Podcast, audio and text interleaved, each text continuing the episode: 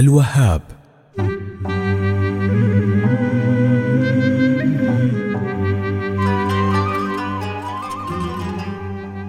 أكثر شيء يطمن الإنسان المجتهد ويريح بال باحث أو باحثة عن شريك الحياة ويهدي نفس واحد مجتهد في شغله ويبى يطور من وظيفته أو تاجر ما يخاف الخسارة رغم قلة الموارد والخبرات.